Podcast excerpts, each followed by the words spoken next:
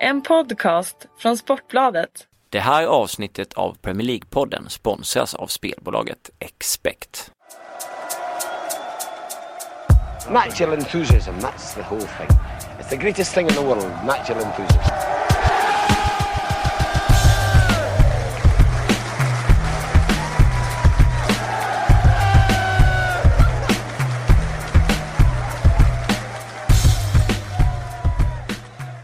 Härligt! Premier League-podden är tillbaka torsdagar som vanligt och nu börjar det bli lite av en eh, samma folk. Kalle Karlsson och Erik Niva med varje vecka. Bra har vi fina, fin expertnivå. Fan, det här måste jag motarbeta direkt. Eh, Jag kan inte bygga upp sådana förväntningar att jag ska vara med hela tiden. Så.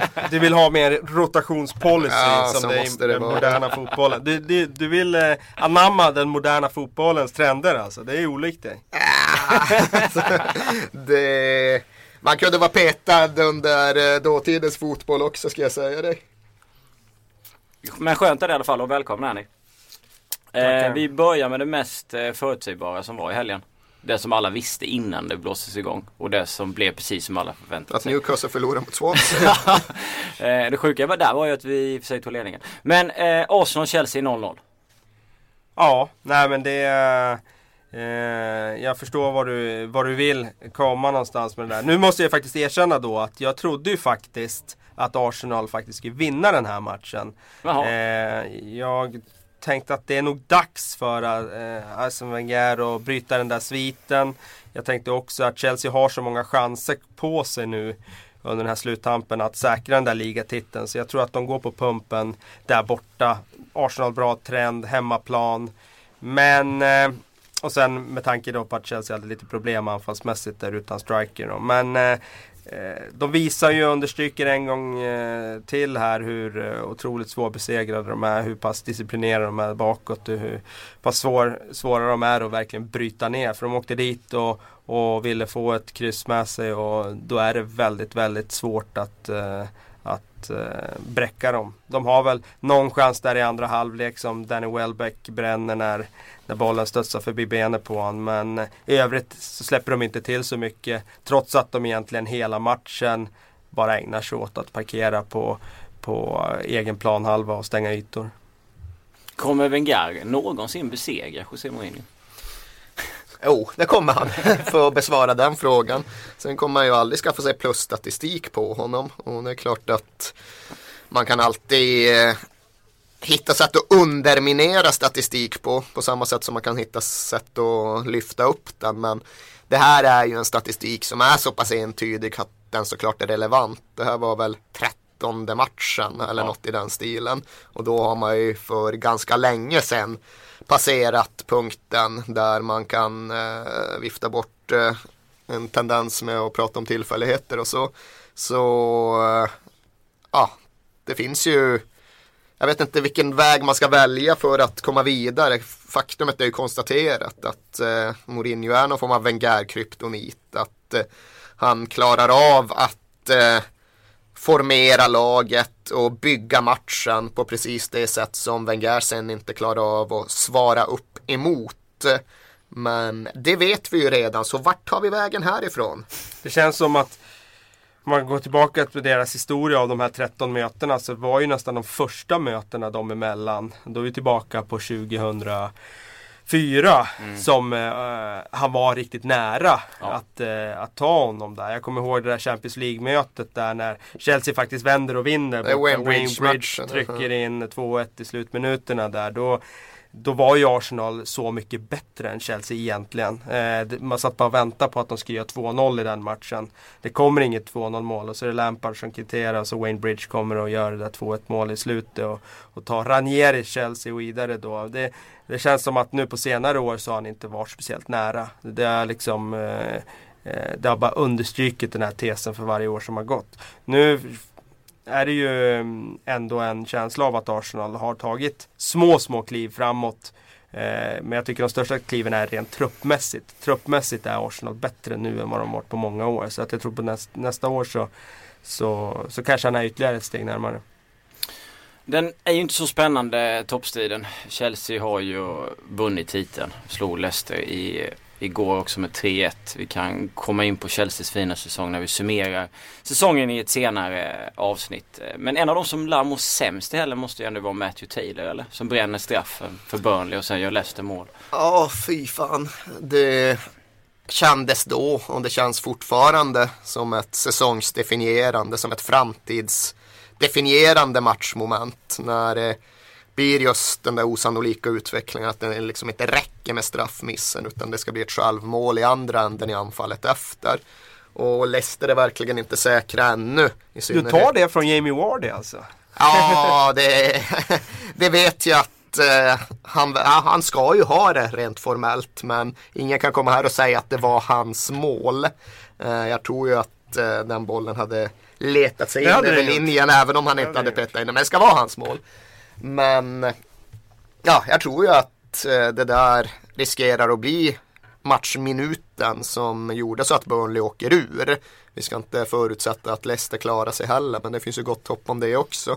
Men att Burnley åker ur. Eh, jag hoppas att det inte blir så. Det är en klubb som jag verkligen vill ska vara kvar. Men utvärderingen där blir ju någonstans den genuint lilla klubben och deras sätt att ta sig an Premier League. För Leicester är ju inte en liten klubb. Leicester är en klubb av en storlek som eh, kan sägas tillhöra någon form av mellanskikt i Premier League. De har sina Thailand, thailändska investerare. De kunde värva både Uloa för massa pengar och kunde få dit Cambiasso med Champions League-vinnarmeriter. Burnley har ju ingenting av det. De är en li från en liten stad med ett litet publikunderlag och de gjorde nästan inga värvningar utan de körde på med samma lag och samma arbetsetik som tog dem upp i Premier League och förändrade inte så värst mycket. Eh, jag hade ju hoppats att det skulle räcka hela vägen. Nu befarar jag att de snubblar på mållinjen. Men samtidigt innebär ju allt det här också att de kommer inte rasa samman och kollapsa när de i så fall åker ur. Okej, okay, Danny Ings försvinner och genererar x antal miljoner pund beroende på vilket land han går och vilka klausuler som därmed aktiveras. Men i övrigt kommer ju stommen vara densamma nästa år och det enda som egentligen har förändrats för Burnley är då att de har fått en säsong med väldigt höga intäkter och att de därtill får sådana här fallskärmsutbetalningar. Så nu sitter vi naturligtvis och går händelserna väldigt mycket i förväg. Burnley har ju en god möjlighet att sprattla till och kanske reda ut det där ändå. Men så som det ser ut nu och så som det kändes när Matt Taylor satt där med huvudet i händerna så var det där det avgörande momentet. Men Burnley har ändå byggt så förnuftigt att det inte innebär att klubben därmed behöver kollapsa. Det är fem poäng upp till Leicester som ligger över strecket. Leicester kommer ju definitivt ta tre poäng i helgen när de tar emot Newcastle. Burnley har West Ham, Hull, Stoke och Aston Villa kvar. Vad är hemma? Eh, hemma är det är bara Stoke alltså. Sen spelar han resten borta. Så det ja, är den ju, är tung. Ja. ja. Nej, det hade varit tufft även om de hade tagit tre. Men då hade de fått med sig någon form av momentum och just mm. bygga på den där känslan nu. Ja, nej, det smärtar att behöva tänka på det sättet. Men det känns verkligen som att det var nålen in i ballongen det där. Mm. Matty Taylor, som vi ju minns från så många olika sammanhang. Jag minns ju honom som starkast som en kille som sköt på volley för Portsmouth från 45 mm. meter mest hela tiden. Andra kanske kommer ihåg honom från Bolton eller West Ham. Men för mig är han the pompy Matty Taylor. Vad, snacka Matty Taylor i två minuter Kalle. Jag tycker Nej men eh, just det där målet du pratar om. Det brukar ju vara med på när det summeras lite topp 10-listor över eh, snyggaste målen någonsin i Premier League och snyggaste volleymålen i man har sett. Det, där, där har han ju sin plats. Men jag håller nog med mig. Jag tänker också Matty Taylor i, i Pompey. Eh, jag eh, är alltid lite halv sådär tveksam när man tar de där äldre Premier League-spelarna till, eh, till som nykomling sådär som jag vet inte, spelare som kanske siktar på en sista, sista pensionsfallskärm. Så, 33 är han va? Eller var han 34? Är han inte äldre? Eller? Kanske han inte är. Något sånt låter rimligt. Ja okej. Okay. Nu ska jag inte döma ut Matty Taylor. 33! 33 ja, ja. Jag hade nog tippat på 35 faktiskt. Men eh, ja. Eh, det känns som att, eh, att hans eh, bestående minnet från, eh, från hans karriär nu tyvärr kommer att bli Förutom volleymålet i Pompey, det kommer att bli den här straffmissen. Har ni några sådana eh, smärtsamma historier som liksom bara flyger upp i huvudet när ni tänker på liksom när det vänder från ena hållet till det andra och det blir liksom från någonting som Ja, det var skulle ju kunna Wat- vara paradiset Ja, till. Watford Watford Leicester, det är ja. den man omedelbart slås av. Den var ju sjuk där för något år sedan. De brände en straff och sen gick de väl till playoff på det tror jag. Exakt, det var inte direkt uppflyttning det var Nej. frågan om. Det var en playoff-plats som Watford Det var sen. Troy Deeney tror jag som gjorde mål. Men undrar om det inte var så att i andra änden så tvingades även Leicester. Jag tror att Leicester kan ha haft chansen att gå upp direkt. Men tvingades istället till playoff som konsekvens. Så kan det ha varit. Nu sitter vi och spekulerar här som man Ja. gör. Eh, Men Det är den konstigt det där med närminnet. Det försvinner detsamma. med åren. Men, Men det jag kommer ihåg, jag det var skrev ju om den där matchen då. Ja, Det var det. ja. Troy Deeney kan vi ju prata om i och med att eh, Watford har gått upp och Troy Deeney verkligen leder det laget numera. Han är inte bara den där målgarantin som han i stort sett alltid har varit i Championship. Han är väl också lagkapten och någon form av inofficiell talesman för en brokig klubb. Och det är klart att det blir ju speciellt med tanke på hans bakgrund. Den var ju som färskast och råast den där säsongen som vi pratade om nyss när han gjorde mål och de spelade playoff. För då var det ju verkligen en fråga om att han hade inlett säsongen i fängelse och avslutade den på Wembley. För de kom väl till playoff-final. Eh, och nu har han inte skakat galler den här säsongen. Men det är klart att hela den episoden alltid kommer finnas med som ett centralt segment av hans karriär. Och det är ju sånt som väcker frågor kring liksom brott och straff och förseelser och andra chanser och fotbollsspelares exponering och privilegier kontra brottsoffers, eh, brottsoffers eh, sårbarhet och så vidare. Men man har väl ändå, jag har i alla fall fått intrycket att Troy Dini på allvar har har tagit sin rehabilitering på allvar. Att han verkligen tänker efter både fem och sex gånger på vem han är och vem han borde vara och vad han har gjort och konsekvenserna av de sakerna. Så att han numera verkligen har tagit sitt straff och blivit en bättre människa. Och det gör ju lättare, det gör det ju lättare att, eh, att hylla honom som en Premier League forward snarare än att liksom tycka att det är lite surt att en berömd människa alltid bara kan ruska av sig en brotts, eh, en brotts, ett brottsmål och sen gå vidare. Men eh, mitt intryck som givetvis inte är eh, heltäckande men det är ändå att Troy Dini ja, är en mycket bättre människa idag än han var för tre år sedan. Tror ni han blir en bra forward i Premier League? Ja, det tror jag absolut att han kan bli. Jag menar, det har varit så pass många eh, anfallare nu, kanske framförallt, som senaste åren som har kommit från lägre divisioner. Och det är alltid någon som, eh, en eller flera, som visar att, eh, att det går att göra det i Premier League om man har gjort det i Championship. Att, det, steget är kanske inte så stort om du är en naturlig målskytt och har flow och självförtroende eh, och tar det med dig in i Premier League så, så kan du näta där också. Almunia var det som tog straffen i den. Det kan det vara. Ja. Men vem var som slog straffen för Leicester? Ihåg. Det är tydligen en playoff-semi, vilket inte var min minnesbild. Min minnesbild var att det var slutet av ordinarie det säsong. trodde jag. 2-2 eller också 3-3 eller 4-4. Det blev massa mål. Eh, Det är tydligen Knockart som slog straffen. Okej. Anthony Knockart. Och 20 seconds senare så Troy Deeney thumped in a shot. Men det är fan just vad, vad närminnet är korrumperat nu för tiden. Jag var övertygad om att det var sista, sista matchen på ordinarie säsong. Men det var playoff-semin. Watford känns som ett eh, kul lag att ha tillbaka i Premier League. Så jag har en Jag har en eh, speciell relation till Watford i och med att det är min andra klubb i den mån man tillåts ha sådana. Eh, jag bodde i Watford när jag först flyttade till England och gick alltid och såg Watford under säsongen 97, 98 och för den delen också 98, 99 så fort eh, Spurs inte spelade. Och det här var två säsonger, Graham Taylor, klubbikonen Graham Taylor var tillbaka. Och eh, de gick otippat hela vägen från tredje divisionen upp till Premier League för första gången.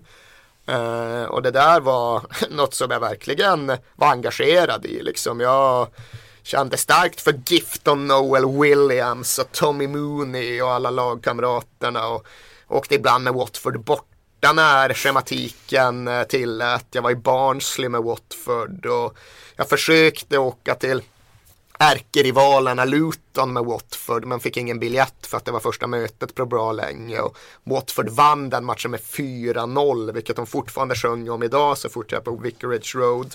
Peter Kennedy och alla de andra som gjorde fyra på Luton. Eh, så på så sätt har jag någon form av grundmurad sympati för Watford och gatorna jag bodde på och människorna jag kände där. Men det blir mycket svårare för mig att ha den när Watford spelar i samma division som Spurs. För då är det ju såklart inget snack. Det är inte så att en liten del av mig vill att Watford ska få poäng på White Hart Lane. Ingen del av mig vill det. Och det gör att jag någonstans är mer bekväm med sakernas tillstånd när Watford eh, är lägre ner i divisionerna. Men det där är ju bara min personliga lilla eh, kamp med mig själv som jag får lov att klara av. För Watford är en i grunden en ganska sympatisk familjeklubb. Det är ju väldigt inbjudande och inkluderande miljö runt Vicarage Road. Sen har det blivit en helt annan klubb nu de senaste åren i och med Pozzo-familjen och övertagandet och spelarkarusellen och tränarkarusellen som det har medfört. Så det är mycket att ta ställning till när vi kommer till Watford. Och det andra laget som gick upp var Bournemouth. Mm, stämmer. Eh, har ingen eh, relation till dem egentligen överhuvudtaget mer än eh, att man alltid har liksom vetat att de ligger där nere på sydkusten. Att Harry Redknapp hade sin historia där och, och så vidare. Eh, däremot så har jag ju såklart följt Eddie Howe eh, i flera år. Eh, tyckte det var spännande när han fick chansen tidigt och sen när man liksom När de gjorde den där resan upp genom divisionerna då. Och han, 2007-2008 va? Ja precis, det var inte riktigt då jag började följa honom. Men då när de hade gjort de där, eh, den där snabba resan ja. eh, uppåt där så är det klart att man fick upp ögonen för honom. Och sen eh, såklart så höll man ögonen på honom såklart när, eh, när han gick till Burnley. Eh, lyckades väl inte så bra där men eh, det som han har åstadkommit där med till en början väldigt små resurser och sen då växande resurser i och för sig men det är ju smått otroligt. Eh, sen har det ju dessutom varit ett lag som har spelat en väldigt eh, sevärd fotboll. Eh, det ser man ju nu när, när de säkrar avancemanget att eh, det är ett lag som kommer att komma till Premier League med och bibehålla den idén. Det kommer inte vara ett lag som går upp till Premier League och börjar skicka långa bollar. För den fotbollen tror jag inte att de behärskar. Utan det är ett lag som som kommer komma upp och, och försöka göra sin grej. Så får vi se hur långt det räcker. Men eh, det är en riktig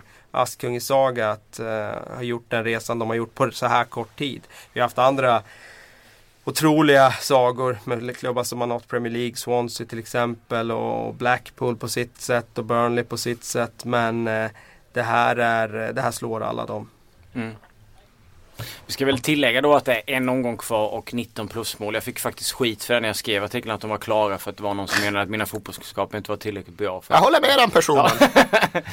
Även om det verkligen hör till vanligheten att man tar in 19 mål på en omgång.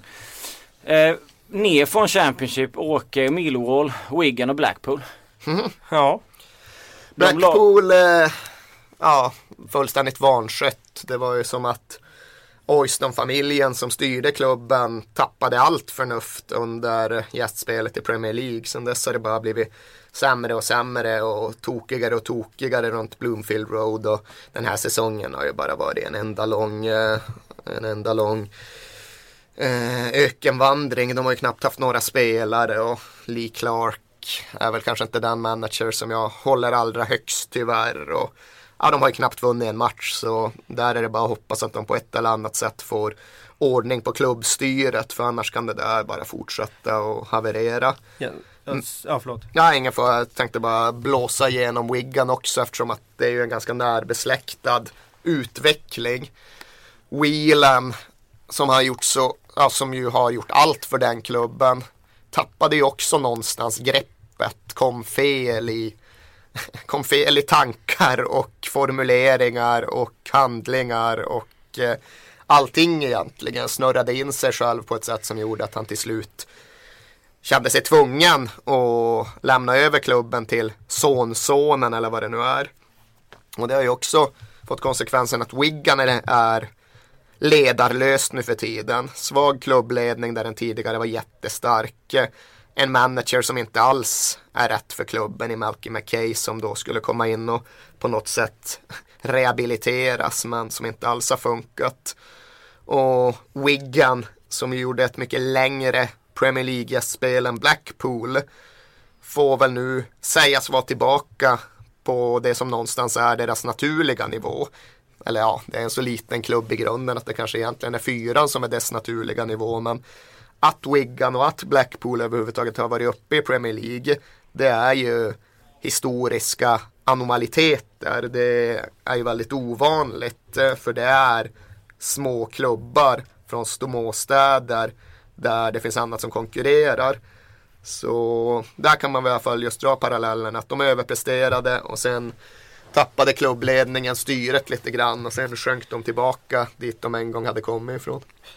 Det som är lite förvånande med Oyston där det är ju att man är ju ganska van med att det blir kaos på ägarfronten sådär men han är väl lokalt förankrad där och har ändå eh, ställt till det för sin klubb. Ja, Whelan är ju såklart också väldigt lokal förankrad men han har ju ställt till det. Men för sig själv Ja exakt och det känns ju inte lika utstuderat där. Oyston känns ju mer som att de ja, dränerar klubben på pengar. Och... Ja, stämt någon egen supporter och det har varit så himla mycket. Men jag kommer ihåg Blackpool där när säsongen skulle starta, då var han José Riga tränare. De hade ju inte en spelare, de hade väl tio man på träningen innan ligan skulle starta. Och de var tvungen sista dygnen där och bara liksom signa spelare som ägde ett par fotbollsskor i princip. Och plocka in från gatan. Alla tänkbara free agents var ju eh, potentiella nyförvärv för dem. Så att de, jag tror de vann en av de 15 första matcherna eller något sånt där när han fick gå där i oktober. Och sen åkte jag till England i november, var där och såg dem faktiskt mot Fulham på Craven Cottage. Det, alltså man tyckte synd om dem för att mm. de var verkligen så sargade. Så kommer jag ihåg att de hade ju en sån här, jag tror han hette Noel Black. Kan han heta det? Deras assisterande tränare. Han har väl varit i engelska u ja, ja, men då vet jag om det. En, en stor, stor mörkhyad Ja, precis. Han, eh, Eh, jag satt precis vid deras eh, avbytarbänk så jag försökte sitta och notera hur han, hur han eh, agerade där på bänken. Men den enda instruktionen han hade det var var de skulle slå, var målvakten skulle slå insparkarna. Det var det enda. Då var han otroligt engagerad. Alltså, det var som att han flög upp på bänken varje gång det var inspark och liksom stod och pekade åt målvakten. Som att han inte kunde ta ett eget beslut på det. Eh, men då var det jätteviktigt att, eh, att han valde just den sidan som, som han pekar på. Liksom. Yeah, great eh, attention to detail. Ja, Proper verkligen. Football, ja, verkligen. Så att eh, det var intressant. Det tog du med dig till Karlberg sen? Eh, nej, jag noterade det med stor, stort nöje. Och, eh, ja. Ja, men det var ju en... Lämnar det ungefär där. En både intressant och relevant poäng du gjorde initialt. Den om Oyston som lokalt förankrad ägare och därmed på något sätt automatiskt ansedd som en good guy. Så är det ju inte och så har det ju sannoliken inte heller någonsin varit. Man har fastnat, jag själv inte minst, lite grann i den tankemodellen att ja, just den lokalt förankrade ägaren, han måste väl alltid vara en godhjärtad man. Nej, det är han sannoliken inte. Och eh, så var det ju aldrig heller. Liksom en, en stor del av att eh, Premier League och den engelska fotbollen moderniserades. Det var ju att den var så illa skött under ja, slutet av 80-talet och dessförinnan. För då var det ju en sån som Martin Edwards, eh, liksom slaktasonen från Salford som sannoliken var lokalt förankrad. Men som ju eh, förde Manchester United ner i dödsskuggan och som varken utnyttjade klubbens kommersiella potential överhuvudtaget eller var speciellt eh, förnuftig med pengarna som trots allt sipprade in. Den han var ju trots, han var ju rätt och slätt bara en dålig ägare som så väldigt många av den gamla skolans eh, lokalt förankrade ägare definitivt var. Sen var de väl i högre utsträckning än i, i nuläget ändå intresserade av klubben, uppvuxna med klubben, någonstans eh, inköpta på tanken av att de skulle förvalta någonting vidare för kommande generationer på ett sätt som liksom shejkerna och oligarkerna kanske inte är. Men de kunde vara väl så korrupta och väl så självcentrerade och väl så fixerade vid pengar i den egna fickan. Det ska vi inte glömma bort. Jag läste någonting om att de hade tagit bort den här statyn av Stan utan, utanför Blackpool alltså. Fansen var förbannade. Den hade ju stått hela tiden om man skulle göra någon slags liksom jag tror man skulle göra, man ville skicka något budskap till klubben så hade de skickat, tagit bort statyn av Stan Mortensen som står utanför där liksom. Och då blev det liv och ja, de var förbannade över det liksom. Kan göra en av Ian Holloway istället.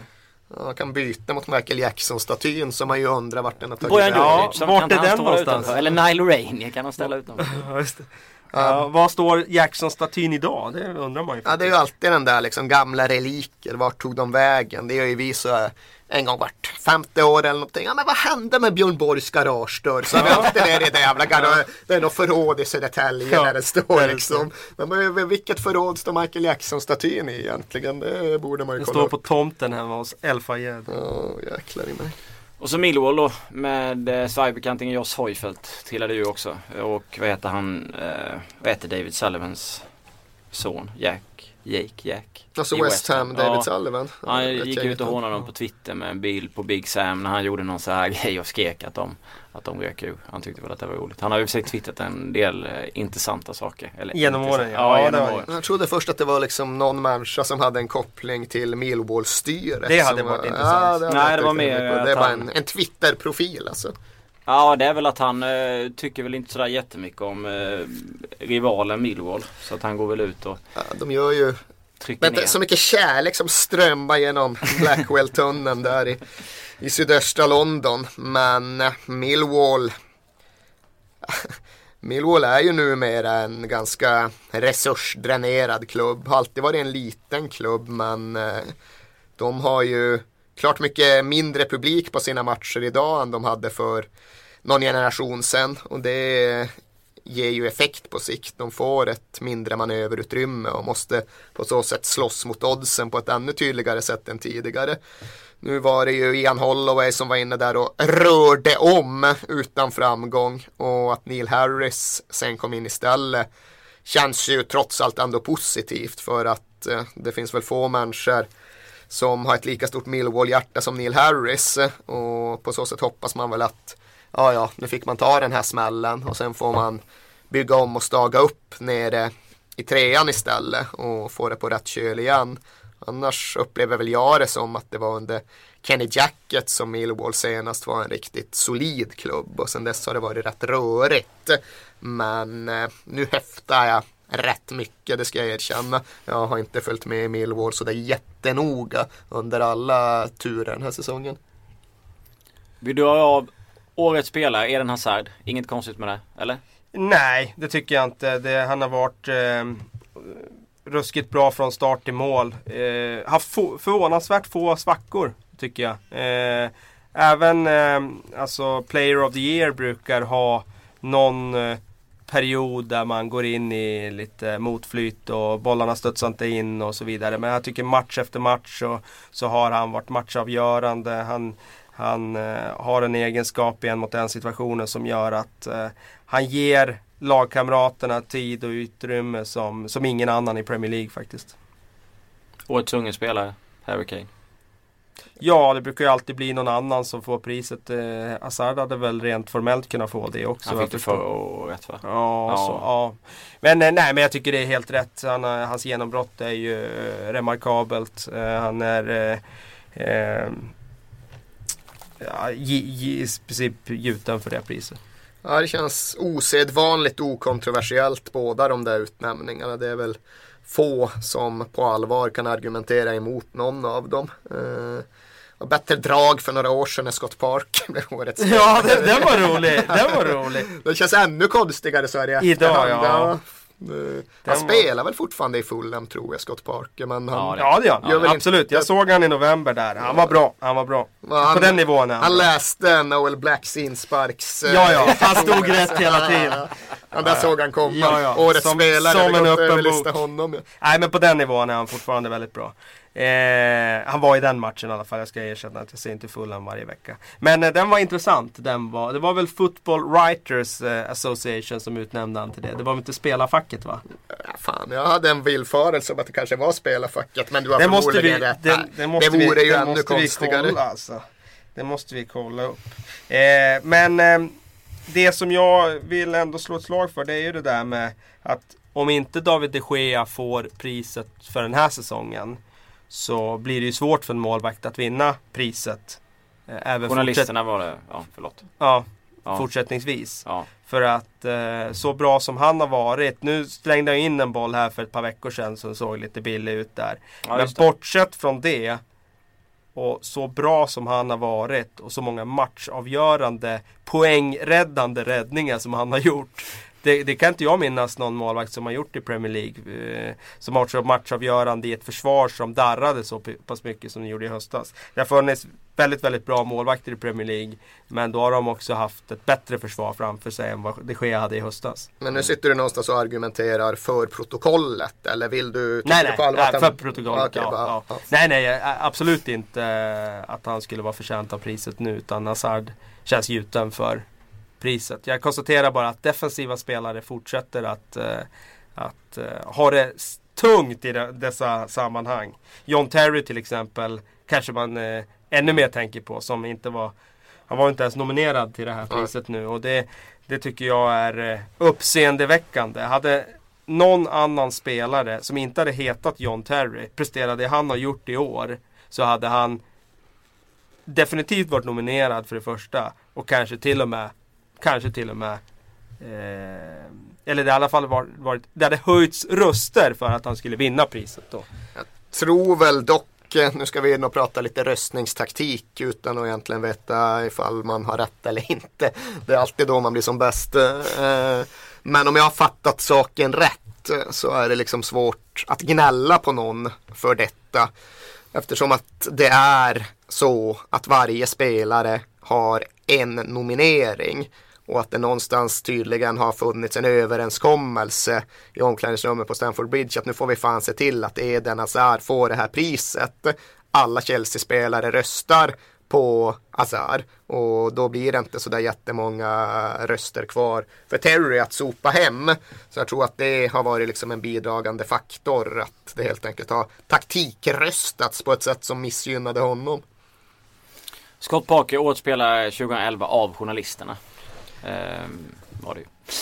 Journalister, man ska fan aldrig lita på. eh, Men då var det ju också, vill jag minnas, ett förfarande där vinnaren utsågs tidigare. De har ju, jag har ju alltid jo. tyckt det där att det är konstigt att det är omgångar kvar. Framförallt när ligan står och väger i slutomgångarna. Eh, varför gör man inte och delar ut det här sista veckan av ligan eller till och med dagen efter ligan är slut. Eh, idag med den tekniken som finns så borde det gå att lösa så mycket snabbare än vad det gjorde 1982. Eh, men jag tror att det då på Scott Parker-tiden var så att det delades ut kanske till och med en månad tidigare eller någonting sånt.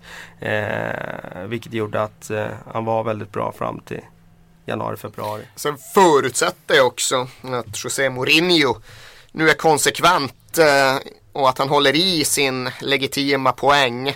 Att han eh, fortsätter hålla med Arsène Wenger om en enda sak. Att det här med individuella priser får alldeles för stort utrymme i dagens fotbollsdebatt. För han gjorde ju den poängen i relation till Ballon d'Or och jag håller ju med. Det gör jag verkligen. Även om jag nu sitter här och svarar på tilltal när vi har diskussionen. Men eh, just den ökande fokuseringen på individuella priser inom fotbollen. Den urholkar värden som vi istället borde försöka bevara. Men det är ju ganska naturligt när det blir en sån kamp som det har varit mellan Messi och Ronaldo de senaste åren. Att, eh, att eh, priset väger ju tyngre nu än vad det någonsin har gjort tidigare. Alltså den som får Ballon d'Or skriker rakt ut i etern att eh, liksom så. så. Det kändes inte som att det var samma tyngd eh, och prestige i prisen förut. Ja, den rivaliteten har absolut varit en starkt bidragande mekanism men eh, jag tror inte det är den största. Jag tror att de individuella priserna hade fått ett motsvarande uppsving alldeles oavsett om det hade varit några andra spelare. Ifall Manuel Neuer hade lyft bucklan något år i rad så tror jag ändå det hade varit stort fokus på det. Sex Chelsea-spelare i årets lag. Hazard, Matic, Costa, Ivanovic, Cahill, Terry. A lot can happen in three years, like a chatbot may be your new best friend. But what won't change? Needing health insurance. United Healthcare Tri Term Medical Plans, underwritten by Golden Rule Insurance Company, offer flexible, budget friendly coverage that lasts nearly three years in some states. Learn more at uh1.com.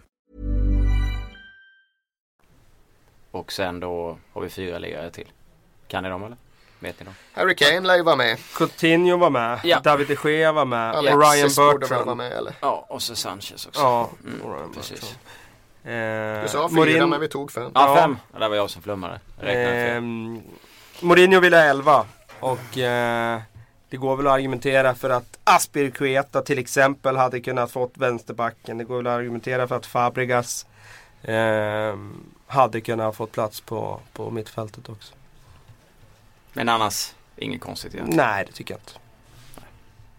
Det var en odramatisk säsong. Då blir även de här skeendena odramatiska. Ja, har det varit någon så här odramatisk säsong någonsin? Jag tänker på tillbaka det här millennieskiftet där när United, de vinner väl liga med 18 poäng eller något sånt där. Men var det Det låter odramatiskt. Jag kommer inte Ja, ihåg ja men det, någonting. det, var, det, var, det var ju odramatiskt. Det Man var ju sådär- följa ja, men, det, ja, men just, just där och då var de ju så överlägsna så då visste man ju innan ligan startade att de skulle vinna. Jo. Det var ju bara frågan om hur många poäng. Men frågan var då, var det så odramatiskt i hela ligan? Eller var det dramatiskt i bottenstriden och kring Champions League-platsen var ju inte samma, liksom vad ska jag säga, tryck kring på den tiden som det är nu. Det är så sjuka pengar nu. Ja, precis. liksom. Jag kan inte precisera ett enda minne från säsongen 99-00 så jag gör en snabb eh, titt här för att se ifall... Jo, jo, men det var ju just det. Var... Kevin Phillips vann väl skytteligan då, Ja, va? det var ju året då Watford hade gått upp precis. Då minns jag direkt. Tommy Mooney avgjorde på Anfield. Watford vann mot Liverpool borta.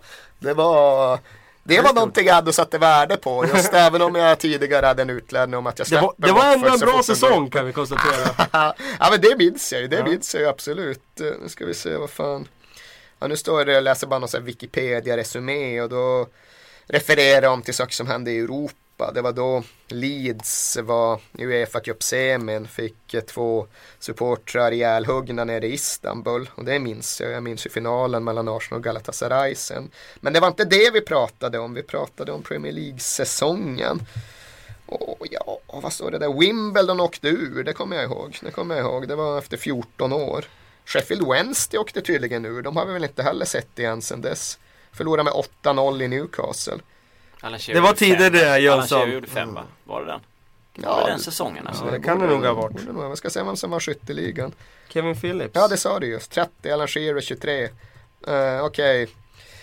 Kevin Phillips, Alan Shearer, Cole, Cole och York var fyra av toppfemman. Men vem var den femte? Tar du den blir jag genuint imponerad. Oj. Det är inte han eh, Richard Hamilton eller vad han heter. Vem fan?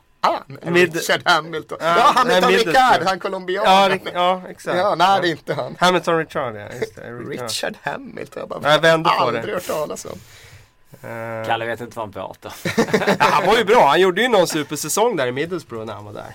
Ja, jag, Nej, jag tar det. inte den femte där. Eh, den är svår. jag får ge dig lite eh, hjälp. Det är inte Marlon Harewood den här gången antar Nej, det jag. är tyvärr inte. Men det är en, en engelsman. Nigel Rio Coker. Ja, det är en anfallare. Som faktiskt fortfarande tydligen är aktiv. Men inte vill bara klubb. skjuta in där att Nigel Rio Coker förlorade ju alltså nu. Ja, jo, för jag kollade mot, aldrig upp. Det var nu i eh, natt ja. Fan, de De torskade. torskade. Nej, hur gick det? Eh, ja, jag vet inte resultatet men de torskade i alla fall. Så. att- jag vet inte varför, men jag höll ju på Montreal. Egentligen 1-3. borde, jag borde väl 2-3. hålla på liksom klubben från den traditionell, traditionella fotbollsligan. Sen är det Ja. Club America. Du det- rör dig mer och mer mot den moderna fotbollen i den här Men podden. du vet, Club America det är the big bad evil nere i Mexiko. Så jag kan nog rättfärdiga det. Du måste nog ge fler ledtrådar. Ja, Okej, ja men den här anfallaren, engelska anfallare, född 78. Kommer uppifrån nordöst, spelade i Walls End Boys Club, den här mytologiserade talangutvecklaren uppe i Newcastle. Men ses inte som en Newcastle-kille utan förknippas snarare med lokalrivalerna. Eh, Spelade dock inte för Sunderland i just det här skedet av sin Nej, det karriär. kan han ju inte ha gjort. Vad fan var det då? Och då spelar han i Leeds då? Du sa något om att Leeds var ganska... Ja, det, det är ingen, eh, ingen indiciekedja som är byggt upp. Men du kanske har något på gång där. Du kan något på Menar gång. du? Nej, han kan ju inte, han kan inte ha gjort så många mål då. Jag hade trodde på någon i kanske, ja det jag vet inte. Ah. Montreal tog i alla fall ledningen. Ah, jag, jag kommer sitter inte på det faktiskt. Och fick Jag- stryk med 2-4. Jag, det hittar inte. Okej, ska jag släppa den här, kör. detta starka quizmoment? Michael Bridges. Jaha, den gamla räven som gjorde en landskamp för England sen. Ja, det kanske han gjorde. Ja. Ja. Nej, det gjorde han inte enligt Wikipedia. Det är du som har hittat på i så fall. Han gjorde några U18 och U21 matcher men Ja, jag tror han gjorde... Eller han var, med, var det att han var med i en trupp och sen... Nej, jag tror han gjorde en du landskamp. går emot Wikipedia. Ja, jag går emot Ja, Wikipedia. du, får, du får samla bevis. Ja. Han, eh, jag bara scrollar igenom hans eh, karriärberättelse just på Wikipedia. Och de har ju alltid ett segment per klubb. Ja, Sunderland, vidare Leeds, vidare Newcastle, vidare Unsettled. Det är ett karriärsegment. Han har varit unsettled. Mitt starkaste Michael Bridges minne det är att han ju var på väg till Tottenham för en jävla massa pengar. Förmodligen i anslutning till detta. Såg som svaret på de anfallsproblem som i stort sett har varit permanenta i sådär 25 år. Kommer ner, sitter och väntar på att liksom genomföra någon formalitet om det var läkarundersökning eller om det var någon kontrakt som skulle skrivas på.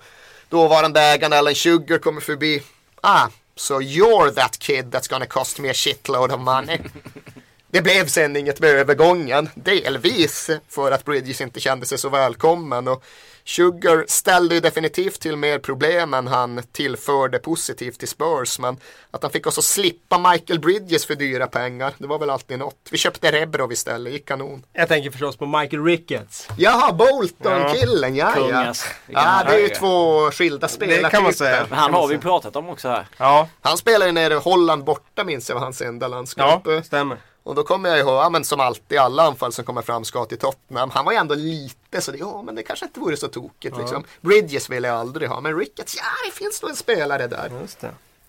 När vi snackar Leeds så kan vi ändå eh, gratulera Jimmy Floyd Hasselbank som gick upp till Burton. Burton Albion till League One och nu vill, började snacka om att han vill träna Leeds. Ja, sa det är ju ett självmordsuppdrag Ja. kan man säga. Så jag vet inte fan om, eh, om man egentligen vill. Men eh, det är ju kul för den eh, gode Jimmy Floyd. Det, det, det blir så. Ja, det, jag, Du summerade. Kort och koncist. ja. Det blir inte mer så. Men var det där någon lead in till Leeds eller är den för uh, svettig att ta på uppstuds bara sådär? Nej men ta, ta Leeds om du, om du har något. Ja, alltså det har något att ha. Jag, ska inte, jag är inte förberedd för att hålla den eh, sammanfattande utläggningen och komma med receptet på vad som ska hända framöver. Utan det var, blir väl mest bara ett, ett konstaterande av hur fantastiskt deppigt det förblir där. Nu verkar det ju som att Redfern inte kommer bli kvar. Och han är ju liksom den enda jag ska, han han är inte en garant för stabilitet för någon sån kan ingen erbjuda men han har i alla fall ett, ett fragment av stabilitet runt Leeds United och det känns som att försvinner han och de tar in någon medelhavstränare som ingen känner till istället då finns det verkligen ingenting kvar. De har ju fortfarande Ja, de har en kärna av ganska spännande spelare från resterna av den stolta akademin som jag har gjort så mycket nytta för engelsk fotboll. Där för övrigt Neil Redferns fru är ett bärande fundament. Men ja, om de nu säljer Lewis Cook och han ytterbacken för ganska lite pengar till sig Norwich. Om de sen gör sig av med Neil Redfern också. Om de dessutom fortsätter förhandla med Red Bull. Ja, då börjar jag verkligen känna samma, men då är fan snart hoppet ute. Leeds har ju varit så jävla resistent och motståndskraftigt under alla år nere i dödsskuggans dal. Men ja, så illa som det är nu, så illa vet det fan om det kändes ens när de låg i tredje divisionen. Men skulle de döpas om då till Leeds Red Bull eller? Ja, någon sån variant blir det. Sen vet jag väl inte om det blir Rasenball Leipzig-grejen. Att det finns någon skrivning som, vad skulle, vad skulle RB kunna vara på engelska? Uh, roundball. Nej, jag vet inte fan. Round ball Leeds. Nej, de kanske får heta Red Bull Leeds, jag vet inte. Men det skulle ju vara hela den principen. Liksom. och skulle in i samma, samma eh, konstruktion som Salzburg och Leipzig och New York och allt vad fan det är.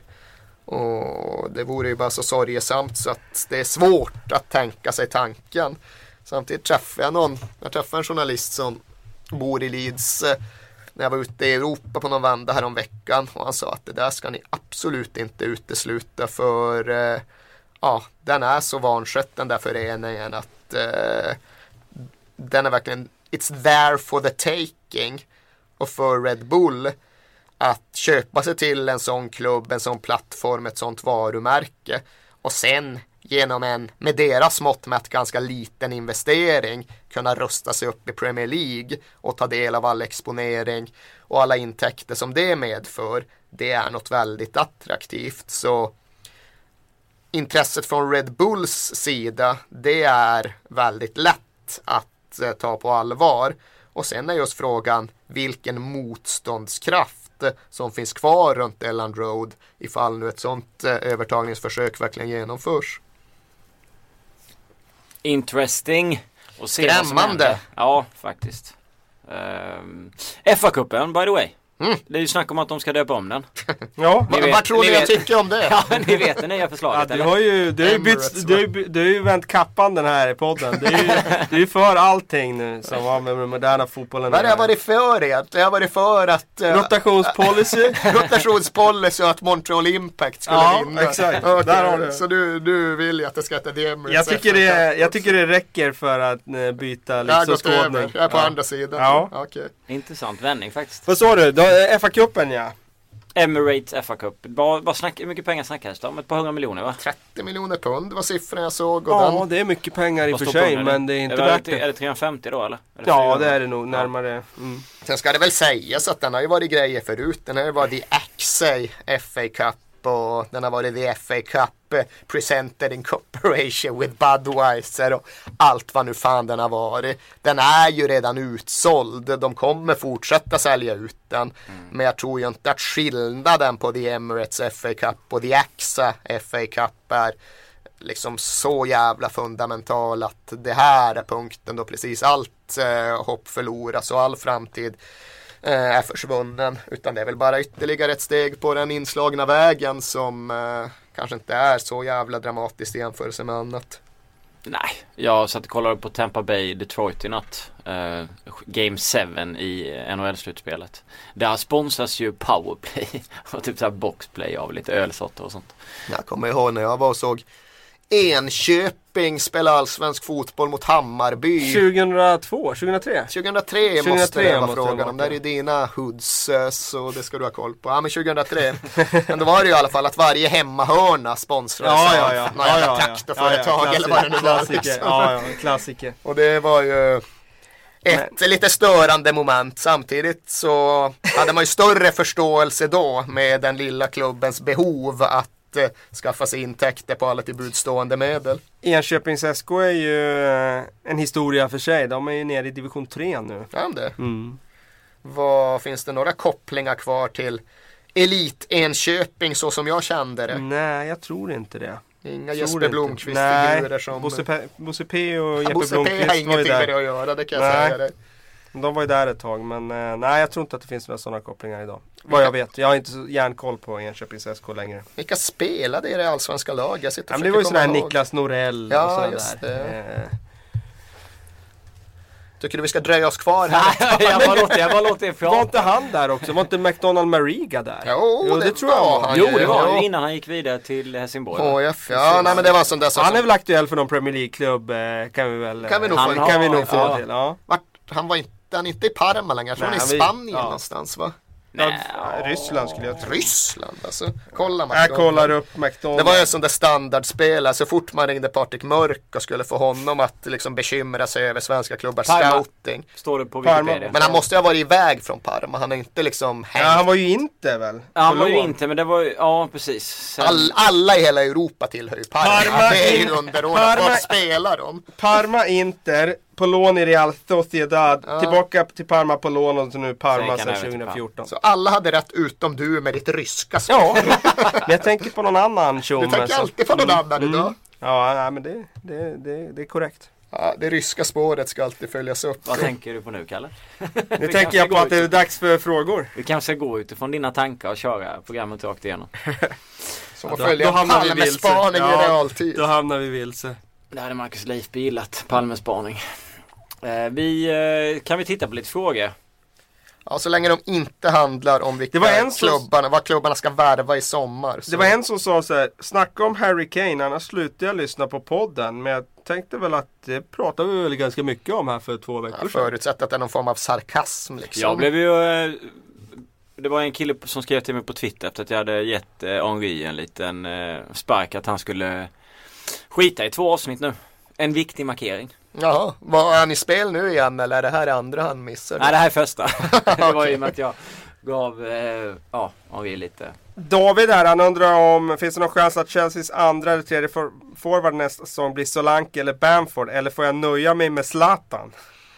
Ja, jag förstår ju frågan. Jag kan till och med tänka mig att resonera kring den trots att det är en transferfråga som jag tycker vi ska hålla till det där silly-formatet. Men jag hoppas ju verkligen att det blir så som det som han är inne på, att det blir en av de unga och de egna. Och både Bamford och Solanke har ju liksom givit tillräckligt med argument för att jag ska tycka att de ska hålla som tredje forwards.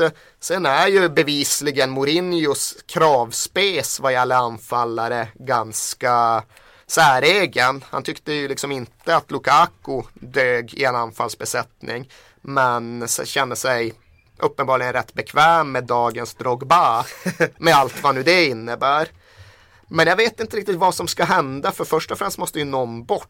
Och Costa kommer såklart vara kvar, Emi kommer väl vara kvar. Drogba, hur är hans kontraktssituation? Ah, jag vet Ja, inte men det till, kän eller? känns ju som att Drogba ryker i sommar. Han har ju varit... Han, Men han, måste han ju lägga av. Ja. De kan liksom inte knuffa. Ah fan Didier, vi tänkte sälja dig till Wolves. Det kommer inte nej, hända. det kommer inte vara så många takers på den. Newcastle kan plocka han. Va, Jag tror inte det är så ja. Nej men eh, det känns, känslan är ju att Drogba fick sin eh, sentimentala flytt tillbaka. Han fick vara pappa där i omklädningsrummet ett år. De vinner ligan. Är det inte läge för han då att droppa av? För så pass svag som han har varit nu spelmässigt. Han gjorde mål igår mot Leicester och det ska han ha credit för. Men eh, så pass svag han har varit nu då har han inget att göra i Chelsea. Ja, jag delar den uppfattningen och hoppas att de hittar en snygg lösning som passar alla parter. Och sen just att det blir, eh, jag vet alltså hur fan är det med de andra utlånade? Bamford slår ju en direkt men har de några fler forwards? Har de någon striker i Vitesse som har gjort 11 mål eller? Nej, det är ju mer wingers vi pratar Ja på. det känns väl så.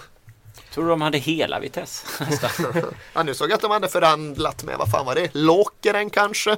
Om att eh, ha ett avtal med dem nästa år. Jag vet inte om det här med Vitesse är något som, ja vadå omförhandlas det säsong till säsong? det är en belgisk klubb, det vet jag. Jag vet jag för mig att det var de här andra som hade ett, ett klubbnamn som jag knappt kommer ihåg. Alltså det är så här långt, Morsne, Preussler. Men inte de är Moskron eller vad Ja, men de det kan nog heter. vara dem. Alltså ja, det var bara någon Ja, jo men jag har också sett det där. Men Drogba skrev på för ett år. Det måste väl varit någonting med FFP-grejen. Någonting med att han sålde Lukaku för så pass mycket pengar och sen så vill han varva lite annat. Okej, så hans kontrakt går ut i sommar? Ja. Ja, ja men då så. Då Han är vet jag om- 36? Han är 78 ja. Ja 37 då? 37 år ja. Ja då kan han ju inte Det känns ju Ja, nej men hoppas, hoppas på Bamford eller Solanke och blir Bamford så känner jag att han kommer nog vara mogen att utmana Remi om att vara andra forward till och med. Så bra hoppas jag att han är på väg att bli. Solanke är väl, han är bara 17 ännu så det är klart att eh, ska man hoppas på att han får spel till i Premier League då hoppas man nog på väldigt mycket. Men Mourinho har väl sagt att om inte han lyckas utveckla dem tillräckligt bra så att han gjort, har han gjort ett dåligt jobb. Var det inte de två han pratade om? Han pratade väl om några till. Det var väl Isaiah Brown också. Och eh, vet, jag tror inte det var, jag tror det var han Louis Baker, ytterbacken. Eh, Sen är det ju Ruben Loftus-Cheek som han inte nämnde i den monologen som du refererar till men som har klivit fram under säsongen. Han har suttit på bänken Ja, jag upplever liksom. nästan att han är den som är närmast och jag tror att han har väl Mourinho mer eller mindre sagt att ja, men han kommer vara en A-truppspelare på riktigt nästa säsong. Så vill jag i och för sig minnas att han pratade om Nathaniel Chaloba också och det blev Josh ju inte så mycket om det. det är ganska Han drog upp en jävla massa spelare för att ha sig för att ja, jag fixade i alla fall de här. Men jag, Någon ja, men ja, det har vi sagt tidigare kan vi säga igen att den Chelsea-generationen som de har nu, det ser ju verkligen ut som en av de mest spännande ungdomsgenerationer som någon engelsk klubb har haft i modern tid. Och det kommer alltid dras paralleller till The Class of 92 och vad de uträttade.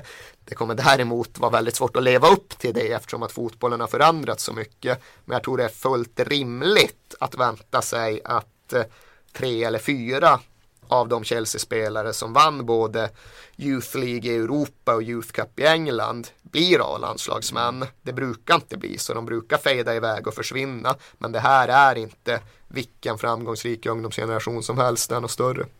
Vi hade ju Isak Sevankambo där Mm. förra året var det väl. Vart fan är han nu för tiden? Han gick till Darby och skadade sig. Han var ju Ah. först i Holland och grundade sen Darby. Sen har vi Ali Sujic. Ali Sujic, mittbacken. Ja, han är ju Mm. kvar. Han är ju bara 16 Det år. är han är eller någonting. 17 eller? 17 är han. 17 nu Ja, kanske. men han var inte med i den här upplagan utan han kommer ju lira i nästa då. Mm, just det. Så att, eh, det. intressant att följa både Isak och Ali. David Alhed skrev, det var ju några dagar sedan men ändå. Eh, varför har alla Premier League-målvakter slopat kepsen? Det är så höga Ja läktare att så solen behöver inte, behöver, inte, behöver inte solskyddet längre. Det måste ju vara det. Det hade den diskussionen apropå kepsar och engelsk fotboll med en kompis bara häromdagen. Han eh, är ohyggligt fascinerad av och road av det faktumet att eh, man i England verkligen får fysiska caps, alltså fysiska kepsar för varje landskamp man gör. Så, så fort någon gör sin hundrade landskamp då får ju den personen fot, låta sig fotograferas med sina hundra caps uppradade framför sig. Och det är en säregen typ av huvudbonad dessa landslagscaps. Det är en blandning mellan keps och någon form av professorshatt. De har ju den här jävla tygtofsen som hänger och dinglar. Och det finns då oerhört eh, traditionstypiskt med att engelsk fotboll håller fast vid att dela ut dessa mössor för varje genomförd landskamp. Det vill jag sagt när nu engelsk fotboll och kepsar oväntat kom på tal. Pulis överger i alla fall inte sin keps. Det, det kan vi vara säkra på. William Isaksson. Vem är PLs kaxigaste spelare? Kaxigaste. Den är svår. Den är väldigt Jag släpper den till Kalle. Jag känner mig obekväm med att definiera begreppet. Så Kalle får ta. Kalle får ta Ja, det jag- som är obekvämt. Jag eh, Det gillar Kalle. kan inte komma på någon sådär på rak arm sådär.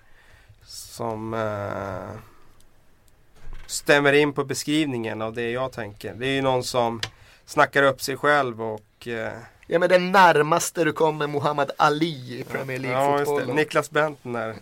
Vi tar Lord Bent trots att han är i Tyskland. Det spelar inte så stor roll. Eh, folk ställer frågor om Liverpool, eh, vad de ska göra, om du ska vara kvar, vad har hänt med dem den här säsongen eller nu på slutet och bla bla bla. Vad har ni för känsla när ni tänker Liverpool så här spontant?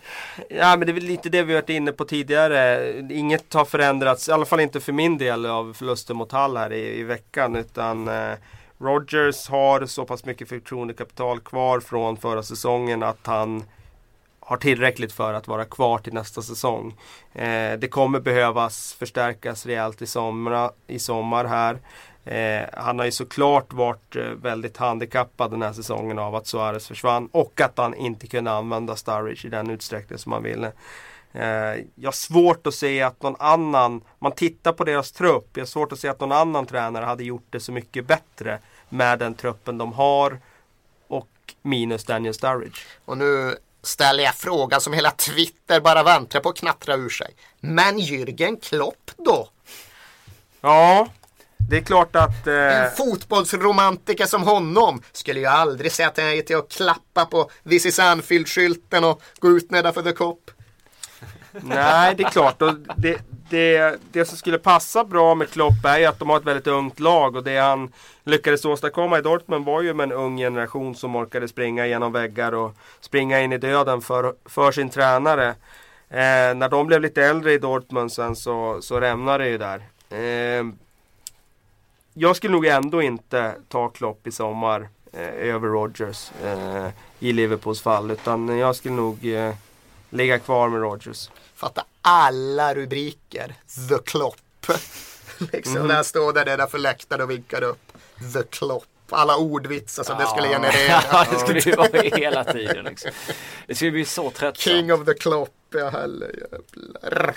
Desan skulle ju köra sig galna på liksom de där formuleringarna hit. Men han har ju så pass eh, hög status i fotbollsvärlden Jürgen Klopp att han kommer ju vara aktuell för större uppdrag än, eh, än, eh, än det. Ja, nu ska vi fan Alltså inte mer bli... pengar och mer eh, budget. Om Vi ska så inte bli Silly-podden, jag orkar inte med det. Men jag tror väl att visst, om Ancelotti lämnar Real Madrid och kanske går till Man City, så då kommer då kommer det jobbet vara väldigt svårt att motstå. Mm. Om PSG blir ledigt så vill jag tro att Klopp inte jag vill ju tro att Klopp är sån, om han, Han nobbar det. Ja, men att han snarare att eh, i valet så vill han ha old money snarare än new money. Han vill ha traditionella storklubbar snarare än nya uppkomlingar. Att det i så fall skulle lockas mer av Real Madrid än ett PSG eller för den delen ett Man City. Att han skulle kanske lockas mer av Liverpool än ett Man City. För att man inbillar sig kanske mot bättre vetande att han någonstans har eh, sin uppsättning av principer som kanske kan betyda någonting men man vet väl att så är det väl förmodligen inte bäst betalar och sen går han väl till, inte vet jag, Paris kanske. Montreal Impact. Ja. Jag har sagt det att om något så tror jag väl att han går till Real Madrid men nu har ju de krånglat sig kvar i Champions League och fått en ganska gynnsam lottning och om nu Ancelotti vill vara kvar är det rätt svårt att i så fall sparka honom ifall de blir första klubben någonsin att försvara Champions League-bucklan. Det var Hanke som fick gå från Real Madrid när han hade vunnit Champions League. Ja, Hankes fick vara från Bayern München. Jag vet inte om han fick gå från Real Madrid också. Jag tror det. Vann han inte där 98? Var det Hankes? Jo, det Ja. fick Fan han. tufft för Jupp alltså. Kvittar hur många Champions League-bucklar han vinner. Han får ändå alltid Ja, sparken. ja. Ja, Jupp hade en fin, trevlig säsong med Bayern innan han försvann därifrån. Ja, det är alltjämt bland den matchen de gör mot Barcelona i Ja. semin där. Det är nog fan bland det bästa fotboll jag någonsin har sett spelas. Eh, nu är vi ganska långt ifrån vart den här podden börjar. Ja, men det är väl lite det som är grejen. Eh, vi, vi ska ju inte riktigt bli Sillypodden, du var inne på det själv. Jag På tal om eh, det så kan jag bara skjuta in att Barcelonas, eh, Barcelona mot Getafe här i, igår eller om det var i förrgår var det nog. Ja, Det var, 16 nog, det var, det var bland, det, bland det svettigaste jag har sett faktiskt. Ja. Det är också långt från den här podden men det kan Ja. skjutas in i sammanhanget. Är det, är det någon klubb ni eh, tittar på efter den här säsongen som liksom eh, ni kan känna en viss risk att tappa ganska mycket mark till alltså nästa säsong som ändå är kvar som har gjort det bra att man, förlo- alltså, att man har gjort det bra och spelare kan köpas upp eller att man har gjort det så pass dåligt så att spelare kommer fly. Att, ni, alltså att det är någon klubb som har det värre nu. Det här året Southampton blir Southampton. Det är väl det som jag känner är den stora risken. De har överpresterat en, en säsong på ett sätt som jag tycker är helt fantastiskt. Jag trodde det aldrig. Men jag tror att av klubbarna på topphalvan så är det väl de som kommer behöva sälja mest mot sin vilja igen. Klein lär väl gå, Schneiderlin lär väl försvinna. Sen kan inte Fraser Forster spela fotboll på förmodligen hela 2015. Alter Fereld ska väl tillbaks till Madrid eller någon annanstans. Och då tittar man på en situation där tre, fyra, kanske till och med fem bärande spelare återigen ska ersättas. Och det blir inte lättare andra gången, det blir svårare andra gången. Så jag har full förståelse för ifall det finns Southampton-anhängare där ute som tycker att jag är generellt för negativ mot deras möjligheter. De har haft all rätt att säga emot mig under den här säsongen. Jag hoppas att de kan sitta och gnälla på mig nästa år också i så fall. För jag vill ju inte att Southampton-sagan ska ta slut. Jag vill tro att eh, Matty Target och Harrison Reed och Sam Gallagher kan komma underifrån och göra något helt häpnadsväckande. Men så som du formulerade frågan, ifall det finns någon av pretendenterna som riskerar att tappa ytterligare mark, så då är det där jag ser den tydligaste risken. Koman kan ju vara ganska intressant också för andra klubbar, det vet man inte. Och det är frågan är om han orkar en gång till om det liksom Han gjorde ju för en intervju bara förra veckan där han liksom själv drev på frågelinjen. Fick säga för, ja men om du erbjuder något över Real Madrid i sommar. Nej, nej, nej, jag vill absolut inte flytta i sommar. Real Madrid skulle inte bli aktuellt. Men fan, det är för enkelt. För de gör, gör det lite svårare, säger han till journalisten. Jaha, vad? Fråga om, ah, Barcelona. Just det. Hmm, ja, då blir det lite svårare. Barcelona. Nej, jag stannar ändå. och liksom när han själv sitter och driver på med den retoriken. Så... Han vet ju att Luis Enrique ändå stannar Det är nu klart han gör, det är klart han gör. Men eh, jag tror ju inte att han just eh, ville signalera att han inte skulle acceptera ett erbjudande från Barcelona. Det han ville signalera var väl att han har alla avsikter att stanna i Southampton. Mm. Han kommer inte gå till Newcastle ifall det nu är det som är alternativet. Eh, vad eh, ser ni fram emot i helgen? Har ni koll på matcher? Vad ska ni titta på? Ja, Spurs väl- möter Man City hemma. Det är Sen är det väl Chelsea som ska avgöra ligan va? Spela hem den. Crystal Palace. Mot Alan. Pardew? Palace. Nej, det tror jag inte. Nej det går inte. Nej, det går inte. Newcastle då? Eh, Leicester borta. Ja den är tufft. Ja. Den är tuff. De är bra nu Leicester. På riktigt. Ja, alltså, QPR. de var väldigt bra mot, mot Chelsea igår. Ja. Första halvlek. Eh, leder. Spelar bra. Eh, Chelsea har inte ett enda skott på mål. Eh, så att eh, det blir en hård nöt att knäcka för er. ja, tar de ledningen så är det inte så att vi har liksom Ska kolla det här självförtroendet exakta att, att läget nu för Newcastle i tabellen. Det är 35 alltså poäng, 35 fyra- poäng. Det är fem, Fem ner. ner. Ja. Nu såg Fem ner är ju ändå bra, men då har Sunderland en match mindre spelad. Ja. Det enda jag såg, eller jag såg ju målen senast, men det var det enda jag såg. Men jag såg ju Siem de Jong eh, hoppa Ja. upp och stöta in en boll behärskat. Spelar han fullt nu och hur ser det i så fall ut? För det är ju en spelare av genuin klass. Alltså han har ju haft sina problem under hela säsongen och det, han eh, kom ju precis tillbaka. Det var väl det enda jag twittrade under hela den matchen som något positivt överhuvudtaget att han just eh, hade kommit tillbaka. Men körde han 90 eller hoppade han Nej, in? och- eh, nej det gjorde han inte. Utan eh, han, eh, han spelade i några U21-fighter först, gjorde han ju. Eh, I, vad fan var det, någon vecka tidigare och jag kan tänka mig, vad kan han ha spelat i mot Leicester? 20-25 kanske kom han in efter 70 någonstans. Jag kommer inte Mm. ihåg exakt liksom. Eh, jag satt ju på jobbet så jag kan inte titta på, jag måste titta på ett par matcher samtidigt. Men det var någon gång i mitten på den här halvlek i alla fall. Eh, så kom han in istället för Kabia var det väl. Eh, och det är liksom, jag vet inte. Det, det, som Kalle sa, det är fem pinnar ner, det är mycket. Men det är ändå en match mindre spelad. Eh, på Sunderland då liksom. Skulle de Det är vinna Arsenal, där? det är Ja. Arsenal, det Ja, är- ja det i och för sig. Men eh, Newcastle man- har ju ganska bra schema kvar här. Alltså Leicester, West Bromwich, Queens Park Rangers, West Ham. Det är ju fyra winnable games. Ja men det spelar ingen roll om man har noll självförtroende och liksom alltså ingenting att komma med. Det skulle vara om Sim de Jong nu som du var inne på Kalle kan börja liksom spela mer och starta och så vidare efter en helt eh, otroligt tung säsong med sina lungor och hela skiten liksom. Då kanske det kan bli något lyft men eh, alltså jag vet inte. QPR möter ju Liverpool som har varit eh, riktigt under isen på slutet. Borta i och för sig. Tar de pinnar och börjar sätta press och kommer upp där liksom. Sanden har Southampton i och för sig. Och kan ju vara bedrövliga så att det är väl mer att de, 08. det är väl mer att de lagen under är så pass svaga egentligen som gör att de i så fall får vara kvar än att de presterar liksom.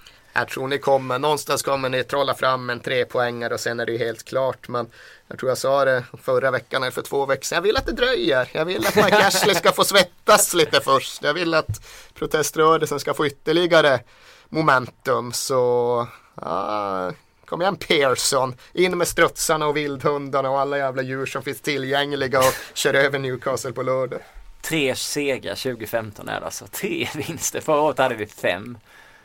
Det Så är, att Kavi gör ju det På tal om, på tal om sämre. strutsar, den var ju, den var ju, det var ju stor humor när Nigel Pearson Ja, gick igång ja, igår. igår ja. Eh, det var ju lite oväntat kanske att gå igång på, även om han har haft sina duster Ja, det- både hit och dit under säsongen så var det ändå oväntat att han gick igång på, så pass på den frågan. Ja, men det är alltså just att han går igång, det kan man nästan vänta sig. Men han gjorde det på ett ganska underhållande sätt. Just att han valde strutslinjen och liksom använde sig av ett bildspråk knutet till strutsar. Bara sällan någon till svars, den här journalisten. Can you stick your head in the sand?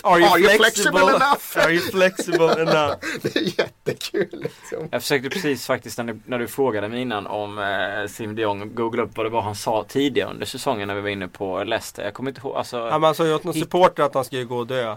Ja just det, men sen så snäste han väl även av en annan journalist, gjorde han inte det? Jo, det har han gjort också. Och sen har han fått sparken men ändå fått stanna kvar.